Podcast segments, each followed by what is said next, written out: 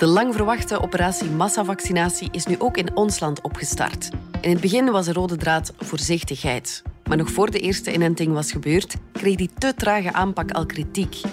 Ministers van den Broeke en Beke zagen zich verplicht om het tempo fors op te voeren.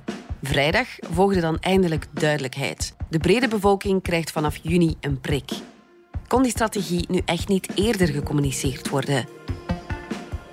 Het is maandag 11 januari. Ik ben Lise Bonduel en dit is de podcast van de Standaard.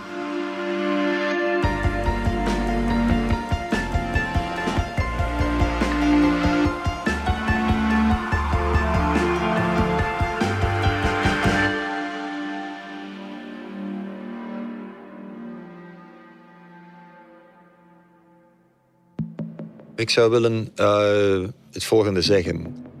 We hebben een taskforce opgericht omdat wij zo'n ingewikkeld land zijn. Eind november ging minister van Volksgezondheid Frank van den Broeke een coronaweddenschap aan. Ik ga nu de volgende weddenschap met jullie aan. Ik kan ze verliezen. Hè? Hij maakte zich sterk dat de uitrol van de vaccinatiecampagne rimpeloos zou verlopen. De weddenschap is dat dat lukt tegen dat die vaccins er zijn. De ingewikkelde staatsstructuur zou geen vertraging veroorzaken. Mijn politieke verantwoordelijkheid is dat dat moet lukken. En anders mocht hij als zondebok worden aangeduid. Als het niet lukt, moet u op mij schieten. Wedstrijdjournalist Simon Andries. Intussen is het zover. En het blijkt helemaal niet zo vlot te lopen als beloofd. Pas vrijdagmiddag schonk de minister klare wijn. Nee, inderdaad. En ik denk dat uh, Van den Broeke vorige week toch eens zal gevloekt hebben met die weddenschap die hij heeft afgesloten. Maar voor alle duidelijkheid, ik denk wel dat het nog iets te vroeg is om hem er definitief op af te rekenen. Ja. Maar het is een feit dat uh, vorige week niet echt goed uit de startblokken uh, schoot. Ja. En ik denk dat dat in de eerste plaats wel zal te maken hebben met de manier waarop dat de regering ermee omgaat met die vaccinatie heel voorzichtig, echt alle voorzichtigheidsprincipes die ze in acht willen nemen. Maar tegelijk is natuurlijk het beeld dat er vaccins die we al hebben en die dan in de diepvries blijven liggen en dat die nog niet gebruikt worden, terwijl dat elke dag telt, dat beeld is natuurlijk uh, politiek ook, ook dodelijk en eigenlijk ook moeilijk te verklaren. En ja.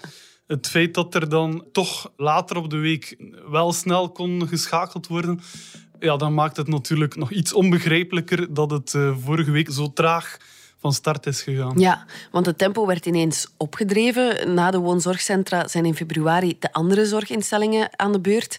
Voorrangsberoepen en risicopatiënten volgen in maart, zegt de minister. De eerste minister en ik hebben uitdrukkelijk gevraagd aan de taskforce vandaag om de vaccinatiecampagne te versnellen. Na een start die om goede redenen voorzichtig was, denken wij dat men nu met maximale snelheid vooruit moet gaan in de vaccinatie. De vaccins die in België ter beschikking worden gesteld van onze bevolking, moeten zo snel mogelijk allemaal gebruikt worden. Ja, ja ik vind het zelf nog altijd heel bizar dat. Uh, zeker na de aanhoudende druk van de publieke opinie, van experts, dat de communicatie plots op één dag is gekanteld. En uh, zelfs een expert zelf uh, zei toen van... Uh, ja, oké, okay, nu gaat het plots wel, wel heel snel. en dat, dat komt dus ook vooral omdat de regering op een bepaald moment dat de voorzichtigheidsprincipe toch wel heeft te laten varen. Mm -hmm. Dus in het begin van de week is altijd gezegd geweest we houden sowieso de helft van de dosissen nog apart. Ja. Zodat we zeker zijn dat we iedereen die tweede dosis kunnen geven. Mm -hmm. Omdat er ook nog onzekerheden waren met de leveringen van, uh, van Pfizer. Maar ja, uiteindelijk is, heeft Pfizer dan bevestigd van die leveringen komen deze maand wel in orde. Mm -hmm. Dus er is eigenlijk geen enkele reden om nog vaccins te laten liggen of, of nog te wachten of bij te houden. En ja, dan heeft de politiek ook gewoon beslist om direct alle vaccins uh, die voorhanden zijn onmiddellijk die eerste prik te geven in die, in die woonzorgcentra. Maar de vraag bleef toch een beetje hangen of dat nu echt niet, uh, niet sneller kon of dat, dat niet onmiddellijk kon. Ja. En uh, wat was eigenlijk het hoofdargument om zo voorzichtig te zijn?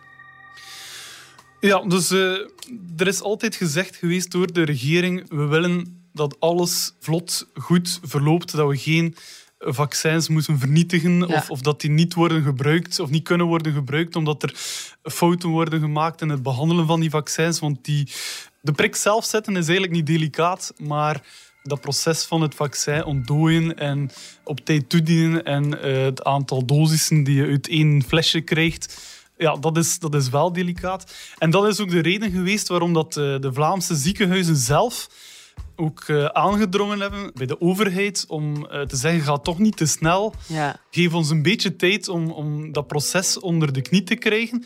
Tijd om, om daarmee goed om te gaan, om, uh, om ons daar ook op voor te bereiden. Dus het is zeker niet alleen de overheid die, die daar op de rem is gaan staan. Nu, ik moet daar onmiddellijk ook bij zeggen dat er ook wel een aantal woonzorgcentra en ziekenhuizen waren vorige week die zeiden van uh, kijk, wij willen hier onmiddellijk van start gaan, wij zijn klaar. Ja. Uh, er is geen reden meer om te treuzelen. Dus ja, het was een beetje de, de, de, twee kanten waar dat de overheid toch een beetje gevrongen zat tussen we willen geen fouten maken. Aan de andere kant, uh, het moet zo snel mogelijk gaan natuurlijk. En um, wat dat trouwens ook uiteindelijk wel uitdrukkelijk is gezegd in het parlement, is dat er absoluut wel voldoende materiaal voorhanden is. Dus uh, dat, dat zou het probleem niet mogen zijn. Ook qua beleveringen zou eigenlijk alles nu wel vlot moeten lopen. En dat hebben ze intussen ook gezegd. Op dit moment, eenmaal dat die startfase voorbij is, is er eigenlijk geen enkele reden meer om, om nog te wachten. En nu moet het eigenlijk wel heel snel gaan. Uh, Ja. Dus de, nu is er eigenlijk echt geen enkele, uh, geen enkele excuus meer om, om niet in snel tempo zoveel mogelijk mensen te vaccineren.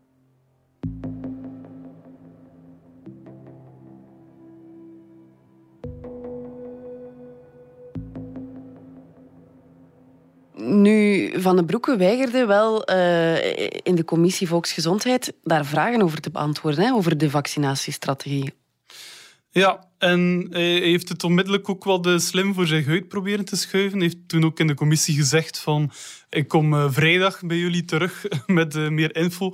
Maar dat is natuurlijk ook, denk ik, een slimme politieke truc geweest om zichzelf wat tijd te kopen. Om, om in die chaos die er de eerste dagen toch was en die politieke nervositeit die er zeker was, ja, om zich daar toch iets beter op te kunnen voorbereiden. Want ook voor Van den Broeke uh, zag je al die eerste dagen vorige week dat hij zelf ook heel nerveus rondliep. En dat hij zelf ook uh, aangaf van... Uh, en zelf ook telefoontjes had gedaan aan de taskforce van dat, dat moet hier sneller gebeuren. Omdat Ja. hij zichzelf natuurlijk ook heel bewust is van het feit dat, ja, dat dit wellicht een van de belangrijkste dossiers is dat hij als, als minister heeft af te werken. Dus, Ja. Ja, vrijdag heeft hij dan inderdaad flink bijgestuurd. We hoorden ook vorige week, Wallonië vaccineert dubbel zo snel als Vlaanderen. Wat is daar de reden voor? Ja, en dat is voor mij persoonlijk nu een van de meest frustrerende dingen geweest vorige week. Dat lijkt mij een heel simpele vraag en een heel goede vraag. Waarom dat dat gebeurd is. Ja. En de eerste dagen kon echt niemand daar een antwoord op geven. Niet van den Broeke, niet de experts. Dus uh, dat, dat, toont volgens mij ook vooral aan dat die taskforce en die, die beloofde eenheid van commando die ervoor ging zorgen dat we heel snel en, en goed gingen kunnen vaccineren, mm -hmm. dat daar blijkbaar dan toch niet zoveel sprake van was. Mm -hmm. uh, ja, het feit dat daar geen eenduidig antwoord op kwam, ja, dat leek me bizar. Uiteindelijk in de loop van de week werd toen wel gezegd dat... Uh, Vlaanderen een andere registratiemethode gebruikte, dat, uh, dat Wallonië ook uh, iets sneller al begonnen is met de woonzorgcentra te beleveren. Maar bon, het feit dat daar zoveel onduidelijkheid over bleef bestaan, dat lijkt me niet echt het uh, beste voorbeeld van, van eenheid van commando. En mm -hmm. dan komt daar nog een keer bij, denk ik, dat die nervositeit en, en ook die vraag die toen werd gesteld over waarom is Vlaanderen zo traag, dat dat blijkbaar ook zelf gezorgd heeft voor een, een heel raar manoeuvre van uh, Vlaams minister-president Jan Jan Bon die uiteindelijk zelf beslist heeft om uh, te bellen naar uh, Pfizer, hoogstpersoonlijk, om extra vaccins te vragen, wat eigenlijk uh, compleet absurd is, want ons land zit in een Europese aankoopprocedure. Dat wordt volledig via een federaal geneesmiddelenagentschap opgevolgd. Dus dat Vlaanderen nu zelf naar uh, Pfizer zou stappen om extra vaccins te vragen, dat is, dat is, eigenlijk een beetje te zot voor woorden. Uiteindelijk, dat is ook zo gebleken, want Jan Bon heeft onmiddellijk het deksel op de neus gekregen. En uh, Pfizer heeft ook gezegd dat ze dat natuurlijk op dit moment niet kunnen doen. Ja. Maar het, het toont aan hoe dat vorige week die, die nervositeit, ook politiek, toch wel heel sterk aanwezig was. Ja. We zijn zo terug na de reclame.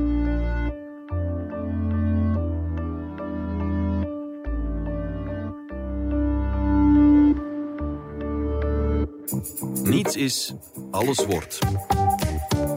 Dat hadden de Grieken 2500 jaar geleden al begrepen. En dat is nog altijd zo. Vandaag wellicht meer dan ooit. Maar hoe vind je je weg in een wereld die almaar sneller verandert? Kennis is het beste kompas, weten we bij BNP Paribas Fortis. En kennis hebben we en delen we graag. Dat doen we ook in de podcast Stand van Zaken.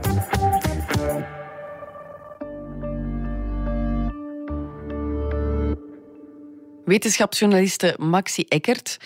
Hoe moeilijk kan het zijn, zo'n spuitje zetten? Dat doen we nu toch al elke winter met het griepvaccin. Inderdaad, er zijn elk jaar hele campagnes om zoveel mogelijk kwetsbare mensen in te enten tegen de griep. Maar het grote verschil is, een griepvaccin, dat is één spuitje. Nu bij de covid-vaccins die nu al uh, op de markt zijn, zijn dat twee spuitjes. Dus dat vereist wel wat meer planning, wat meer coördinatie. Dat er niet te weinig tijd, niet te veel tijd tussen die twee spuitjes zit. En dan komt er natuurlijk ook nog eens bij dat die COVID-19-vaccins die we nu hebben, dat dat vaccins zijn die heel koud bewaard moeten blijven. Dus dat is een ander verhaal dan uh, de griepspuitjes die wekenlang in de koelkast kunnen liggen. Ja, nu, sommige landen gaan resoluut voor één dosis om meer mensen sneller te kunnen vaccineren. België niet. Waarom zweert ons land bij die dubbele dosis? Dus er gaan inderdaad allemaal meer stemmen op, uh, ook in het buitenland, um, of vooral in het buitenland, om te zeggen: we gaan alles wat we aan vaccindosissen hebben, gaan we als eerste dosis toedienen. En die tweede dosis, die komt dan wel. Misschien niet na 21 dagen, zoals het bij Pfizer um, zou moeten, of na 28 dagen bij Moderna. Maar over drie of vier maanden op een moment dat er meer dosissen beschikbaar zijn en de druk eigenlijk wat van de ketel is om heel snel heel veel mensen een eerste bescherming te geven. Er zijn allerlei argumenten voor uit te verzinnen.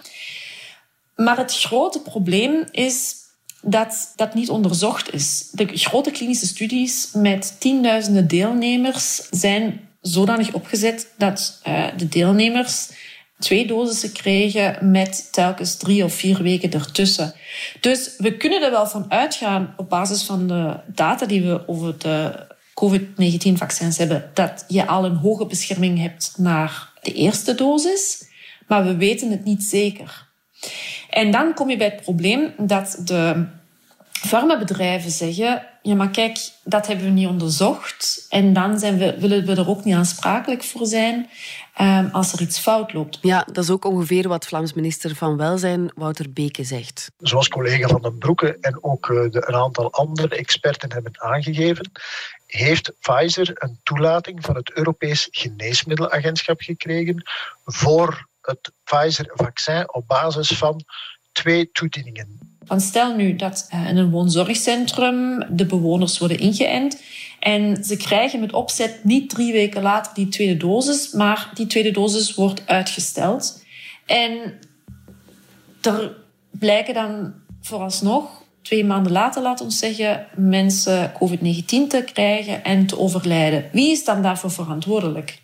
Het farmabedrijf zal zeggen, wij niet, want um, jullie hebben je niet gehouden aan wat wij hebben onderzocht. Dus dat is ook juridisch een heel moeilijke vraag. Anderzijds, en dat is een afweging die het Verenigd Koninkrijk maakt en ook uh, sommige provincies in, uh, in Canada, zeggen ze: oké, we zitten nu wel in een crisis waar we dat risico wel moeten nemen. Dus het is echt een kwestie van uh, willen overheden dat risico nemen. -hmm. En kan je die twee dosissen ook mixen? Dus voor beide vaccinaties producten van verschillende bedrijven gebruiken? Wel, ja, nu dat we twee vaccins hebben uh, die goedgekeurd zijn, die op de markt mogen komen, um, stelt zich die vraag natuurlijk. En het interessante is dat het Pfizer-vaccin en het Moderna-vaccin, dat die met dezelfde techniek werken. Dat zijn zogenaamde mRNA-vaccins. Dus je zou denken, uh, het kan geen kwaad om nu te zeggen, laat ons alle dosissen die we in de diepvriezer hebben liggen van Pfizer, want die hebben we al, om die zo breed mogelijk uit te rollen. En dan zien we over drie weken wel wat we dan in de, in de koelkast of in de vriezer hebben liggen. En dat kan dan misschien ook uh, het Moderna-vaccin zijn. En weer staan we op het punt waar we van alles bij elkaar kunnen redeneren en kunnen argumenteren. Maar het grote probleem is, is dat het dus niet is onderzocht. Dus we kunnen er wel van uitgaan dat het uh, geen kwaad kan om te mengen, maar we weten het niet omdat het niet is onderzocht. En de farmabedrijven natuurlijk staan er niet voor te springen om zulke studies op te zetten. Want ja, Pfizer heeft er niks aan om een studie op te zetten. Als er zelf zouden achterkomen dat de tweede dosis even goed uh, het vaccin van Moderna kan zijn, van de concurrentie mhm. eigenlijk. En waarom is iedereen zo gefixeerd op snelheid? Is er nu een window of opportunity omdat het aantal besmettingen relatief laag is? Een eerste punt is dat we een derde golf zouden meemaken of daarop ja, afstevenen, dat is zeer realistisch. Uh, we zien dat uh, de cijfers in het buitenland, ook in Europa, um, heel slecht zijn. En het is eigenlijk verbazingwekkend uh, dat wij het heel goed doen. Toch tot dusver. Dus dan is het natuurlijk interessant om te zeggen, laat ons nu zoveel mogelijk mensen vaccineren. Punt twee is ook de bedreiging, uh, want ja, zo moeten het wel noemen, um, die uitgaat van die nieuwe Engelse variant. Die, ja, dat wordt nu toch wel duidelijk uh, een stuk besmettelijker is dan de varianten die tot dusver uh, in omloop waren. En in die zin is het wel een race tegen de tijd om ons, ja, of toch een deel van de bevolking te beschermen tegen een eh, variant die nog besmettelijker is en op die manier ook veel meer ravage kan aanrichten.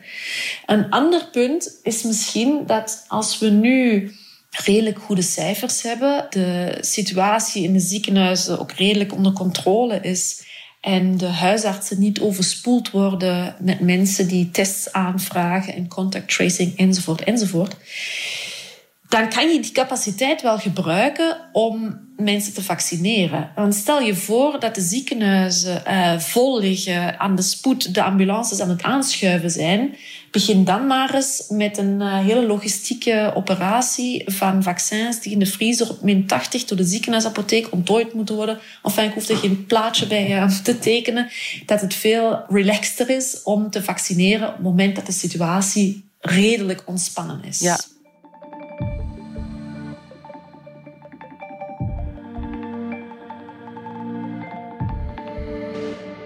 De vraag is natuurlijk, Maxi, vanaf wanneer mogen we erop rekenen dat de vaccins ons onze vrijheid teruggeven? Wel, het antwoord op die vraag is, is niet zo eenvoudig. Het is eerder een genuanceerd antwoord. Um, biostatistici gaan er wel degelijk vanuit dat we al een effect gaan zien van de vaccinatie voordat we groepsimmuniteit hebben bereikt. Dus voordat we bij die fameuze 60 of 70 procent ingeënte burgers zijn. Maar de vraag is dan natuurlijk, uh, hoe groot gaat dat effect zijn en waar situeert zich dat effect? Dat is toch wel iets waar, zou ik zeggen, op dit moment nog wat koffiedik kijken is. We vragen van onze bevolking om als één ploeg te werken en allemaal samen aan hetzelfde zeel te trekken. Ik ga ervan uit dat we ook politiek hetzelfde kunnen doen. Als één ploeg werken en allemaal samen aan hetzelfde zeel trekken om onze bevolking zo goed mogelijk te beschermen. Je hoorde premier Alexander De Croo. Nu, Simon, ons land heeft wel een modderfiguur geslaan met die valse start. Wat moeten we nu eigenlijk onthouden van afgelopen week? Misschien dat toch een klein beetje nuanceren, want we zijn zeker niet het enige land die uh, problemen heeft gehad in de opstart van die vaccinatiestrategie. Heel simpel, kijk maar naar Nederland. Daar is er echt ongelooflijk veel te doen over het feit dat ze daar een beetje op het verkeerde paard hebben gewet en het vaccin hebben gekozen die eigenlijk nog niet klaar is, terwijl dat wij toch nu al kunnen starten. En alle experts maken dat ook wel duidelijk dat we hoe dan ook, wat er ook gebeurt, hoe goed dat onze strategie ook is, we zijn afhankelijk van die leveringen van die vaccins en we zijn afhankelijk van die farmabedrijven. Ja. Dus geen toffe positie, maar het is wel een belangrijke belangrijk om dat er toch bij te vermelden. Mhm. Aan de andere kant eh, is het wel een feit dat eenmaal dat die vaccins er zijn, dat we heel snel moeten kunnen uh, schakelen. Mhm. En als er nu één probleem is dat ons land toch al doorheen de volledige coronacrisis gehad heeft, is uh, dat we niet echt uitblinken in snel schakelen. En dat, dat toont ook nu opnieuw vorige week om daar die strategie toch wat aan te passen, om wat sneller te kunnen gaan moet die eh, interministeriële conferentie Volksgezondheid opnieuw samenkomen. Daar zitten acht ministers van Volksgezondheid in. Dan moet de interfederale taskforce opnieuw samenkomen. Dan moet dat terug, meestal nog naar het overlegcomité om dat definitief af te spreken, moet dat in alle deelstaten ook besproken worden in de regeringen. Uh, tekenend is misschien wel dat onze jonge, ambitieuze coronacommissaris Pedro Facon nu amper een paar maanden na zijn start al uitgeblust thuis zit. In een interview met De Standaard gaf hij vorige maand ook zelf al aan dat het uh, eigenlijk bijna onwerkbaar is, de manier mm -hmm. waarop dat onze, onze overheidsstructuur ja. werkt. Dus ja, dit toont aan dat ons land eigenlijk te complex is. -hmm. Is er intussen eigenlijk veel animo voor het vaccin, dat niet verplicht is? In de eerste woonzorgcentra blijkt alvast van wel. Ja, wij zijn eh, heel blij dat de mensen heel enthousiast zijn om het vaccin te krijgen. Ze zijn natuurlijk ook al een beetje slachtoffer van het voorbije jaar. Het is hier heel streng geweest. Elke keer als ze ziek waren, moesten ze in isolatie op de kamer. Er zijn altijd strenge bezoekregelingen geweest, allemaal met de bedoeling van de kans op infectie te, te verminderen.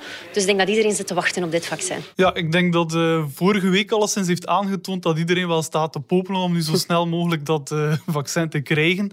En uit de motivatiebarometer van de UGent blijkt ook dat intussen al uh, eh, 73% van de Vlamingen zegt dat ze zich willen laten inenten. Dat is toch al een heel stuk meer dan de 56% van de vorige bevraging.